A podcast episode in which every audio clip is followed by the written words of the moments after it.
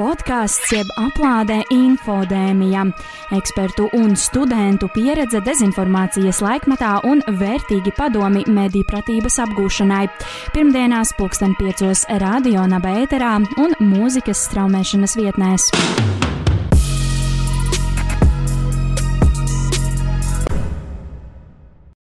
Hei, hei, hei visiem podkāstu infodēmija klausītājiem! Esiet sveicināti um, atpakaļ pie mums. Kā jau, kā jau vairākus mēnešus uh, mēs katru pirmdienu skanam radio naba ēterā, bet, protams, mūs arī var noklausīties Spotify mūzikas straumēšanas platformā. Ar jums šodien uh, trīs, trīs burvīgas dāmas. Uh, viena no tām ir uh, Laura. Tieši tā, tāda esmu arī es, Elīna, protams. Un uh, šodien arī mums tiešsaistē ir uh, pieslēgusies viena no mūsu pasniedzējām, Anastasija Terenko, uh, kura tad uh, varēs mums uh, varbūt tagad arī vairāk ar sevi iepazīstināt, un, uh, un tad tālāk jau mums sakos jautājumi par šodienas infodēmijas uh, tēmu. Labdien! Vai jūs, vai jūs varētu pastāstīt par sevi? Jā, kā jau raidījuma vadītājs uh, mani pieteica kā savu pasniedzēju, esmu Latvijas Universitātes sociālo ziņojumu fakultātes uh, komunikācijas teoriju un ziņu žurnālistikas pasniedzēja, arī uh, piedocēju kursu Vidzemes augstskolā, tur gan uh, maģistra līmeņa studentiem par uh, ietekmējošo komunikāciju. Profesionāli esmu žurnāliste, tūlīt sākšu darbu kā redaktore. Mēs savukārt infodēmijā esam jau runājuši par viltus ziņām, bet tagad, mūsuprāt, ir pienācis laiks uh, ielūkoties mazliet dziļāk uh, šī fenomena izcelsmē. Tādēļ jautājums jums ir, sakiet, vai uh, viltus ziņas mēs varam skaidrot gluži vienkārši kā vēl vienu politiskās pārliecināšanas formu, vai mums tas būtu jāvērtē kā kaut kas bīstamāks? Viltus ziņas mēs noteikti varam izņemt ārpus tik, un neskatīties uz viltus ziņām tikai kā uz kaut ko politisku un politiskas ietekmēšanas rīku. Jo viltus ziņas mēs redzam arī sev ikdienā jomās, kas uh, pavisam, pavisam neskar politiku. Protams, mēs jebkur varam, jebkurā dzīves jomā saskatīt uh, kaut kādas politikas iezīmes, taču mēs redzam, piemēram, es, es pieļauju, ka jums Facebook lentās darās aptuveni tas pats, kas man. Kur jūs redzat virkni viltu ziņu, kas nebūtu nav saistīts ar politiskām norisēm, tas ir saistīts ar cilvēku ikdienu. Un īstenībā, jo uh, tuvāk cilvēka pamat vajadzībām un tuvāk cilvēka ikdienai ir kaut kāda ziņa, un arī, ja tā ir viltus ziņa, tad uh, visticamāk, tā ir lielāks potenciāls cilvēkam to viltus ziņu uztvert kā īstu, kā patiesu. Un līdz ar to gūt sev nepatiesu priekšstatu vai maldīgu priekšstatu par to, kas notiek. Ne tikai politikā, protams, bet arī uh, dzīvē parastajā, kas saistīts ar mūsu ikdienas um, gaitām un norisēm. Un uh, jautājums jums varbūt kā politiskajai žurnālistei. Kādas, uh, jūs teiktu, ir dažas vadošās pārliecināšanas stratēģijas Latvijas politikā, un cik daudz mēs starp tām ikdienā redzam arī populismu? Es nedzirdēju jautājumu beigas, bet es ceru, ka jūs vēlreiz pēc tam pateiksiet, kad es pabeigšu par iespējamajām stratēģijām. Uh, mēs, piemēram, varam skatīties uz uh, ja mēs raugāmies vispār uz to, kādi mums ir uh, politiķi un kāda kopumā ir politiskā kultūra Latvijā, tad es pieļauju, ka mēs varam izdalīt uh, dažādas grupas, kur mēs varbūt uh, varam parunāt par populistiskākiem politiķiem, mazāk populistiskiem politiķiem un arī veidiem, kā viņi mēģina ietekmēt cilvēkus caur dažādām dzīves un politiskajām sfērām. Līdz ar to um, Protams, viena no izplatītākajām stratēģijām, ko mēs redzam, piemēram, populistu politiķu vidū, ir apelēt pie cilvēku uh, pamatvērtībām, apelēt pie cilvēku uh, vēlmēm un galvenajām vajadzībām. Mēs šajā Covid uh, krīzē un pandēmijas laikā jau gandrīz gada garumā ļoti, manuprāt, spilgti to varējām redzēt, kad uh, ja es pieļauju, ja tiktu veikts um, komunikācijas nozares eksperiments, nevis eksperiments, bet pētījums saistībā ar populārākajiem terminiem, ko izmantoja populistu politiķi savā komunikācijā, jo īpaši pavasara periodā, un tad, kad mums iesākās komandants stunda, tad viens no populārākajiem terminiem būtu, te, terminiem būtu satversme un konstitūcija. Cik bieži šie termini un jēdzieni tika piesaukti, mēģinot ietekmēt cilvēkus un mēģinot pārliecināt viņus par to, ka viņu pamatvērtības, kuras satur arī satversme, tiek pārkāptas un ietekmētas. Te, protams, uzreiz rodas jautājums par to, cik dziļa un plaša izpratne vispār kopumā Latvijas sabiedrībā ir par satversmē un paredzētajām vērtībām, un ko mums tā ļauj un ko neļauj. Bet redz, ka viena, vismaz ko es esmu pamanījusi, populārākajām stratēģijām, ja tās tā var dēvēt, Covid laikā bija tieši apelēšana pie cilvēku pamatvērtībām, kuras mēs skaidrs mēs tādā vai citādā mērā redzam ierobežotas mūsu ikdienā pēdējā nepilna gada laikā. Un tad uh, varbūt arī paturpinot to, ko uh, Laura pajautāja, un vēl projām arī par uh, šo te populismu, uh, cik jūs, prāt, mēs uh, daudz uh, kā, redzam populismu vispār uh, Latvijā?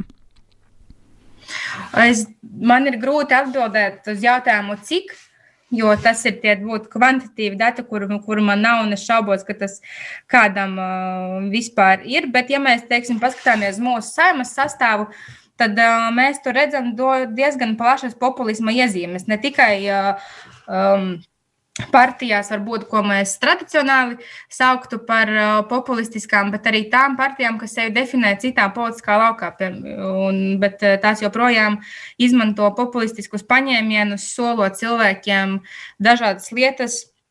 Uh, labumus un tā tālāk. Mēs arī redzam, ka šī tendence noteikti nemazināsies uh, ne šajā vasarā, kad ir gaidāmas pašvaldību vēlēšanas, ne arī nākamajā gadā, kad mēs atkal piedzīvosim visticamāk zaļu solīšanu un, un, un tā tālāk. Līdz ar to Latvija neko nav atšķirīga no citām Eiropas un kopumā pasaules valstīm, kur populisma vilnis skaidrs, ka ir uzņem savus apgriezienus. Un, uh, cilvēkiem visticamāk, īpaši šajos grūtajos apstākļos, gribas ticēt, ka labais nāks. Nāks mums uh, bruņinieki baltā zirgā, atjās un atvedīs mums uh, neredzētus labumus. Līdz ar to tīri cilvēciski visticamāk to, kāpēc notiek tā, kā notiek, un kāpēc mums saimā tiek uh, tika 13. saimā ievēlēti tādi politiķi, kā tika ievēlēti, visticamāk ir saprotams. Protams, eh, tas, kā populisms vēlāk izpaužas eh, reālajā politiskā praksē un politiskajos lēmumos, kā tas attiecīgi ietekmē ikvienu no mums dzīvi, tas ir cits jautājums. Bet es eh, neņemtos apgalvot, ka nākamā gada, šķiet, ka oktobris mums ir vēlēšanas paredzēts, ka mēs redzēsim būtiski citādāku rezultātu nekā mēs to redzējām pirms um, 18. gadā. Nu jā, un uh, viena lieta, kas droši vien ir, protams, kā jūs sakāt, arī pēdējā laikā mums ir aizvien vairāk redzami populistiskie dažādi aktori savairojušies politiskajā telpā. Vairojušies. Bet, jā. Bet uh, kāda jūs teiktu, ka pašlaik uh, Latvijas informatīvajā telpā ir mēdīju loma? Uh, tādu dažādu šo politisko pārliecināšanas taktiku pārraidē, un vai mēdīji mums ir pietiekami kritiski? Mēdīju loma kopumā, manuprāt, cilvēks vēsturē ir bijusi ārkārtīgi nozīmīga.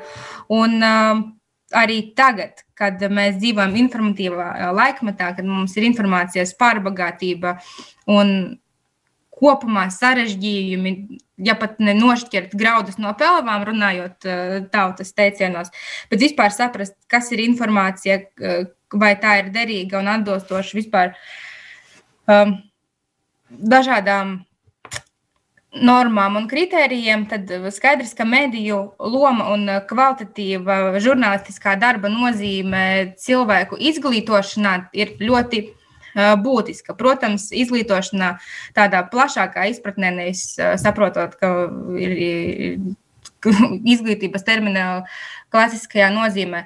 Bet mēs redzam to, kas notiek, nu, drusku atkāpjoties pie populistu tēmas, mēs redzam, ka notiek mēģinājumi diskreditēt mēdījus. Līdz ar to mēdīju um, spēja uh, jebkādi izglītot cilvēkus un nest viņiem kvalitīvu informāciju, protams, atkarīga no tā, cik ļoti sabiedrība medijiem uzticas. Un mēs redzam pēc eh, statistiskajiem un socioloģiskajiem datiem, ka uzticība medijiem nav, nav šausmīgi augsta. Uh, Un tas ir trauksmes signāls un zvans tam, ka cilvēki vairāk uzticas tam, kas ir rakstīts viņa Facebookos, kas nonāk pa klusiem telefoniem līdz eh, cilvēku ausīm, nevis tam, ko mēģina darīt kvalitīvs um, medijs un profesionāli žurnālisti. Mēs arī redzam piemērus no uh, pasaules, ko piemēram darīja bijušais ASV prezidents, skaidri nodalot. Uh, kas viņa prāt ir kvalitatīvs mēdījis, kas ir fake news izplatītāji, lai gan, ja mēs pavērtētu to. Pavērtēt mēdījus, kas viņa prāt ir bijuši šo viltu ziņu izplatītāji, tie vienkārši ir bijuši mēdīji, kas raksta ne tā, kā viņam būtu vēlē, kā viņam būtu gribējies, un kuru tā politiskā dienas kārtība un, iespējams, politiskā ievirza neatbilst uh, politiskā aktora, politiskā aktora uh, pašai šai politiskajai dienas kārtībai un, uh, un pārējām lietām. Līdz ar to, ja ir šie lielie politiskie līderi, kas mēģina noniecināt uh, kopumā mēdīju darbu, tad uh, mēdījiem ir vēl sarežģītāk strādāt tādos apstākļos, jo skaidrs, ka, piemēram, mēdīju vide Latvijā kopumā ir visai novājināta. Mēs redzējām, redzējām pagājušā gada, īpaši pavasarī, Covid krīzes ietekmē šausmīgi nokrita mediju ieņēmumi, ņemot vērā reklāmas kritumus un tā tālāk. Un, uh, tas bija jautājums, uh, kā šādos apstākļos, kad ir šausmīgi ieņēmumu kritumi, uh, bet vienlaikus šausmīgi pieaudzis darba apjoms, kā žurnālistiem nodrošināt cilvēkiem kvalitīvu informāciju, izsmeļošu informāciju un nepretrunīgu informāciju laikā, kad sabiedrība un pasaule kopumā vispār nesaprot, kas notiek. Skaidrs, ka Covid mums atnāca uh, strauji, negaidīti un uh, aizvien ir vairāk jautājumu nekā atbildžu. Līdz ar to šajos krīzes apstākļos tas ir um, ārkārtīgi svarīgi, lai mēdīji nodrošinātu kvalitīvu, veiktu kvalitīvu darbu un pildītu žurnālistikas un mēdīju funkcijas, kas, te, kas tiem būtu jāpilda. Ja, ja skatās to, protams, kāda ir uh, mediju vides kvalitāte, tad tas arī ir um, jautājums, jo ir gan mums kvalitīvi mediji, ir arī tādi dzeltenāka tipa mediji, bet, protams, arī tiem ir vieta mediju ekosistēmā kā tādā, un tie arī pilda savu noteikto um, funkciju. Varbūt jūs varat uh, mēģināt uh, ieviest kādu izpratni dziļāku tajā, kā atšķiras uh, demokrātiskam procesam pieņemami pārliecināšanas komunikācijas veidi no, no manipulācijas. Jūs arī pieminējāt bijušo ASV prezidentu Donaldu Trumpu, un tur bija skaidra tā manipulācija bieži vien, bet, eh, manuprāt, tas nošķīrums nevienmēr ir tik, eh, tik acīm redzams. Un, respektīvi, tā no sabiedrības skatu punkta, kurā brīdī, klausoties politiķos, eh, personai būtu jāspicē visas maņas, jūtot, ka nu jau notiek kaut kādas manipulācijas.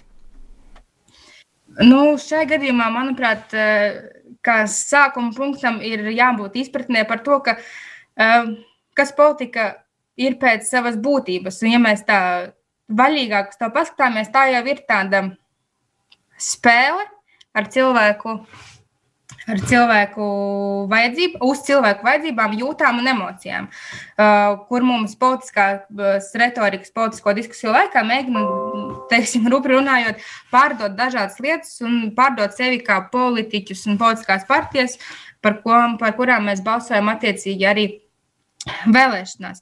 Uh, protams, uh, es nevaru pateikt par konkrētām stratēģijām, jo jebkura ietekmēšana uz jebkuru ietekmēšanas paņēmienu var raudzīties gan no uh, sautīgu mērķu, iespējams, perspektīvas, gan arī um, izmantot ietekmēšanas paņēmienus uh, labu mērķu vadītiem. Ja mēs, piemēram, paskatītos tagad uz uh, SPKC kampaņām, veselības ministrijas kampaņām saistībā ar Covid-19, faktiski jau tā arī ir. Uh, tās ir ietekmēšanas kampaņas, bet mēs nevaram teikt, ka tās ir manipulatīvas vai sliktas. Uh, Līdz ar to uz ietekmēšanu nevajadzētu vienmēr skatīties kā uz kaut ko šausmīgi negatīvu.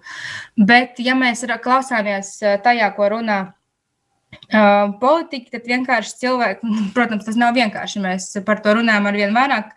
Par kritiskās domāšanas nozīmi, par mediju pratības nozīmi, par to, kā mēs spējam filtrēt un izprast to, to par ko un kā ar mums runā. Un, um, kā jūs raksturotu politiskās pārliecināšanas izpausmes Latvijas sociālo mediju telpā, kas ir tāds jūtīgs jautājums vienmēr, bet nu, varbūt jūs gribat mēģināt. Tas ir uh, sarežģīti, jo uz sociālajiem mēdījiem mēs zinām noteikumus šausmīgi grūti piemērot ja mēs varam kaut kādās uh, uzvedības normās ielikt, varbūt reālo komunikāciju, tad sociālajā mēdī iziet bieži vien ārpus jebkādas kontroles. Uh, un uh, tur tiek ņemti tālāk visi iespējamie uh, rīki. Protams, ietekmēšana, kas notiek sociālajos mēdījos, piemēram, no politiķa puses, mēs redzam, tā ir gan oponentu nomelnošana, kur mēs pretnostatām sevi pret citiem, veidojas tas mēs, viņa diskurss, kad mēs parādām vienu grupu pret, pret citu grupu un stāstām, ar ko tad viena ir, viena ir labāki par citiem. Tas ir ļoti izplatīts, izplatīta lieta, ko izmanto politiķi neatkarībā no tā, vai viņus var pieskaitīt pie populistiskākā spārna politiķiem vai arī netik populistiskā spārna politiķiem.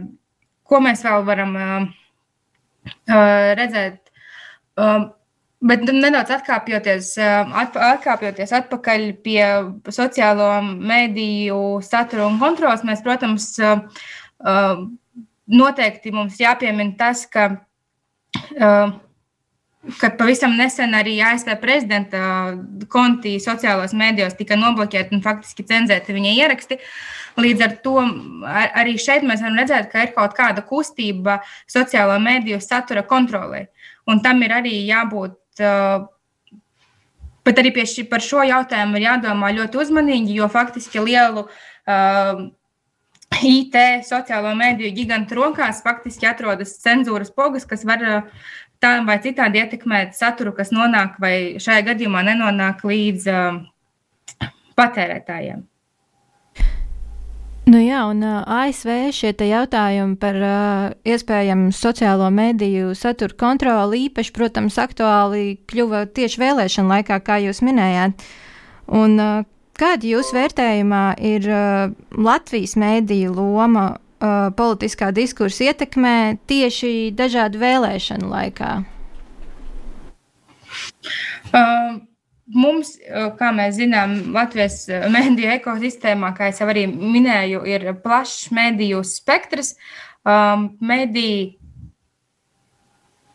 priekš, priekšvēlēšanu laikā, protams, cenšas maksimāli informēt par dažādām politiskām priekšvēlēšanu norisēm.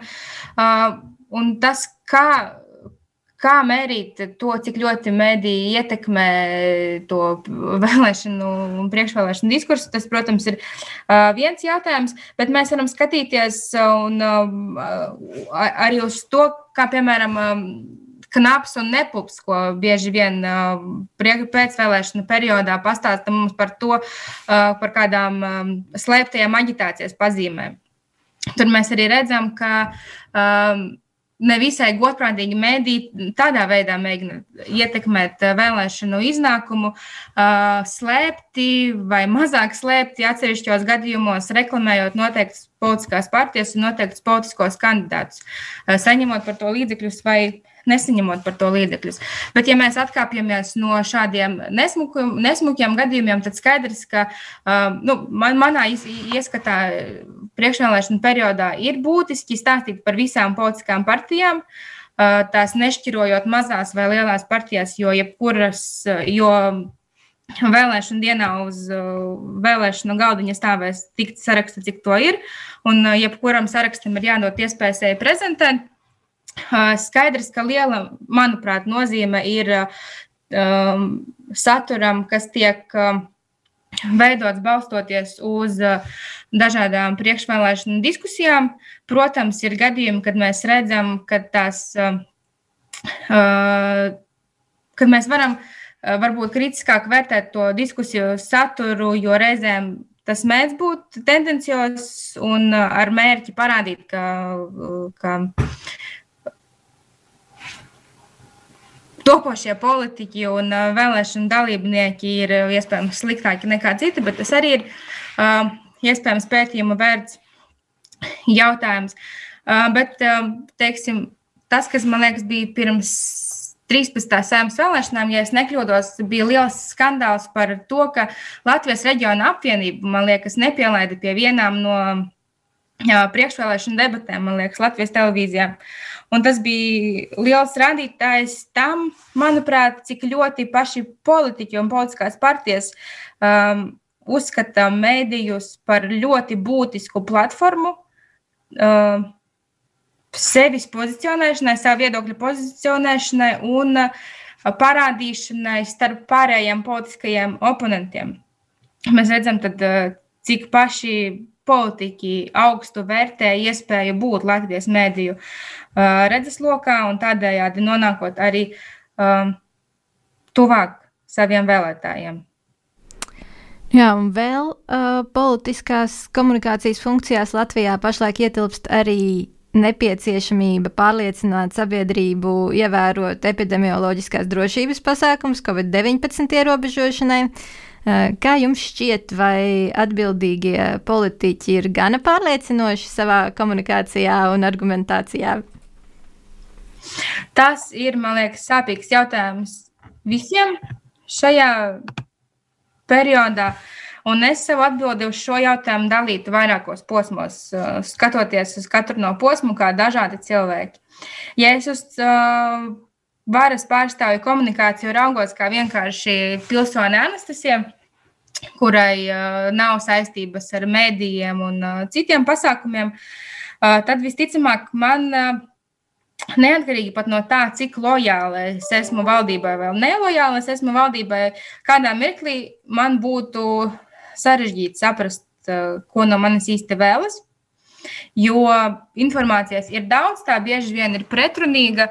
Um, Un uh, cilvēkam ir jāiegulda ļoti daudz enerģijas un laika, lai izsekotu visam, kas notiek. Un līdz ar to uh, šajā krīzes periodā, kad vēstījumiem ir jābūt vienkāršiem, nepārprotamiem un lai, um, laikā adekvātiem, tas ir uh, nedaudz uh, problemātiski. Ja es, piemēram, raugos uz šo problemātiku kā žurnālists, kas aktīvi rakstīja par visām šīm lietām, tad arī šajā gadījumā es varu teikt, ka pat Mēdījiem, kas dien dienā katru mirkli seko tam, kādas izmaiņas notiek, arī tad ir sarežģīti saprast uh,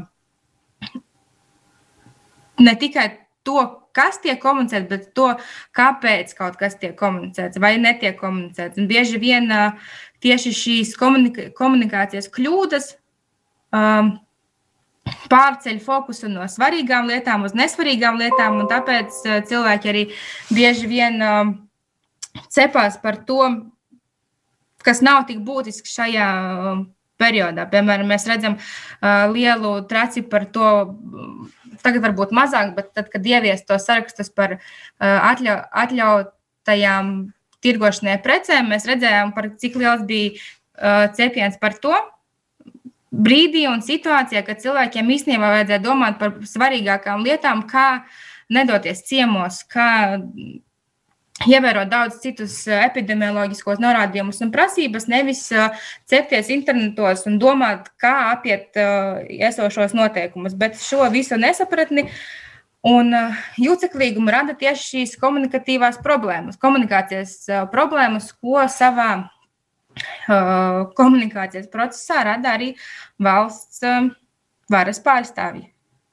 Līdz ar to es ļoti uh, ceru, ka kaut kādas pārmaiņas, kas ir notikušas gan uh, valdības ietvaros, gan arī pārmaiņas, ko uz, uz kurām ir apņēmušies uh, valdības uh, pārstāvji, nesīs kaut kādu pozitīvu uh, rezultātu, jo mēs zinām, ka arī vienā, vienu brīdi bija šausmīgi daudz uh, um, nesaskaņu, kas no valdības sēdēm nāca ārā caur Twitter ierakstiem un Facebook ierakstiem no atsevišķiem ministriem un atsevišķām partijām, kas iedomājieties iziet pēc valdības sēdes preses konferencē.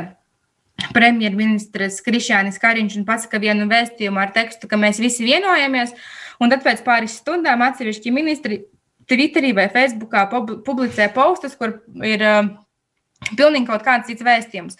Un tad kā tiem nabaga cilvēkiem, kas mēģina kā, sekot uh, līdzi norisēm un saprast, kā tad viņiem īsti būtu jādzīvo un kādiem, kādi noteikumi būtu jāievēro, kurš tad īsti jā, jāklausa, kam tad ticēt. Un tā tālāk, ja mēs redzam, ka pat tajā valdības uh, sastāvā, kur ir maz cilvēku, bet, protams, plašs politiskais spektrs, kas uh, ir savstarpēji, pat es teiktu, izslēdzošs brīžiem, ka, ka pat tur nav vienotas izpratnes par to, kā mums šajos krīzes apstākļos ir uh, jādzīvo. Skaidrs, ka tagad izveidos tas um, vakcinācijas birojs, kur viens no uzdevumiem ir. Uh, ir arī viest skaidrību šajā komunikācijas procesā par to, kā mēs vakcinējamies un tā tālāk. Tāpēc ceru, ka Uh, lai arī par to arī Twitterī un Facebookā un citos sociālos mēdījos bija liela vētra par to, kāpēc būtu jā, jāmaksā tik daudz cilvēkiem, kas vienkārši nodotu mums uh, uh, informāciju par to, kas un kā, bet acīm redzot, gandrīz gadu garā pieredze ar neskaitāmām kļūdām komunikācijā uh, noveda pie atziņas, ka tomēr tas ir jādara kaut kā centralizēti, koordinēti, tā lai tik būtiskā pasākumā, kā uh, vakcinācija, Covid krīzes pārvarēšanai šīs te uh, kļūdas, kas var maksāt cilvēku dzīvības, nepieļaut. Nu jā, no šī mēs noteikti saprotam to, ka Latvijas vispār mēdīju vidē un šai te komunikācijai ne tikai savā starpā, bet arī ar attiecīgo mēdīju patērētājiem ir, ir vēl kur augt un ir vēl kur darboties. Un tā kā mūsu podkāsts šodien strauji tuvojas noslēgumam. Uh, varbūt jums arī kā augstskolas pasniedzējai ir kāds novēlējums Latvijas jaunajai paudzei, uh, kā skatīties, kā vērtēt un kā mēģināt atpazīt dažādas pārliecināšanas un varbūt arī manipulācijas taktikas, ko viņi redz. Viens no maniem galvenajiem, un es, es neizpildīšu daudz ieteikumos, novēlējumos, bet uh, galvenais uh, ir mēģināt saprast. Un, lai mēģinātu saprast, ir jāmēģina uzzināt. Un, lai uzzinātu, ir jāmēģina lasīt un klausīties. Un līdz ar to atrašanās uh, kaut kādā informatīvajā telpā un aktīva, iespējams, uh, brīžiem dalība informatīvajā telpā arī palīdzēs nostiprināt gan uh, spēju redzēt, manipulatīvus paņēmienus, saprast, kad ar tevi mēģina manipulēt, un um, mē, prast rīkoties šādās situācijās. Uh, bet uh, pasīva atrašanās uh, informatīvajā telpā, uh, pasīva sēdēšana Facebookā, protams, šīs spējas uh, nevairo, diemžēl. Taisnība, taisnība. Šis, šis, šis jau bija ļoti noderīgi ar tādu, tādu īstu aicinājumu uh, apgūt uh, zinības un, un, un, un studēt, studēt. Vai ne tā, Laura? Jā, un būt modram. Tieši tā, tieši tā, tev kā topošajai žurnālistei tas ir, tas ir ļoti svarīgi. Īstenībā visiem, kas, kas darbojās šajā te komunikācijas nozarē, tas būšanu modram noteikti nenāktu par ļaunu. Atgādināšu vēlreiz, ka mēs atrodamies pašlaik, jūs klausāties pašlaik podkāstu infodēmija epizodi ar numuru 15, un šodien pie mums ciemojās Anastasija Teterenko. Um, attālināti, attālināti kā visas iepriekšējās un visas nākamās epizodes. Um, un pagaidām pēc esošajiem ierobežojumiem īsti vēl neizskatās, ka varēsim, varēsim kādu ekspertu uzaicināt mums šeit studijā, bet, bet tas nekas. Varu vien teikt, ka šai te attālināt, attālinātajam sazināšanas procesam ir, ir arī vairākas labas šās, šis, šie te aspekti, kā piemēram tas, ka mēs jau esam sazinājušies ar Gunu Spuravu no, no, no, no Tāmperes, un varbūt tuvākajā nākotnē arī sazini, sazināsimies ar kādu no um, Briseles. Wow, mums ir nedaudz intriga, bet ļoti, ļoti labi. Paldies visiem par klausīšanos. Lielas paldies Anastasijai Tetrenko par dalību šajā te epizodē un, un, un, un nedaudz sniegšanu tādu ieskatu dziļāk jau viltus ziņo žurnālisti žurnālistikas tajā, tajā pazemē, kas jau, kas jau aiziet uh, ar uh, politiku saistītās tēmās.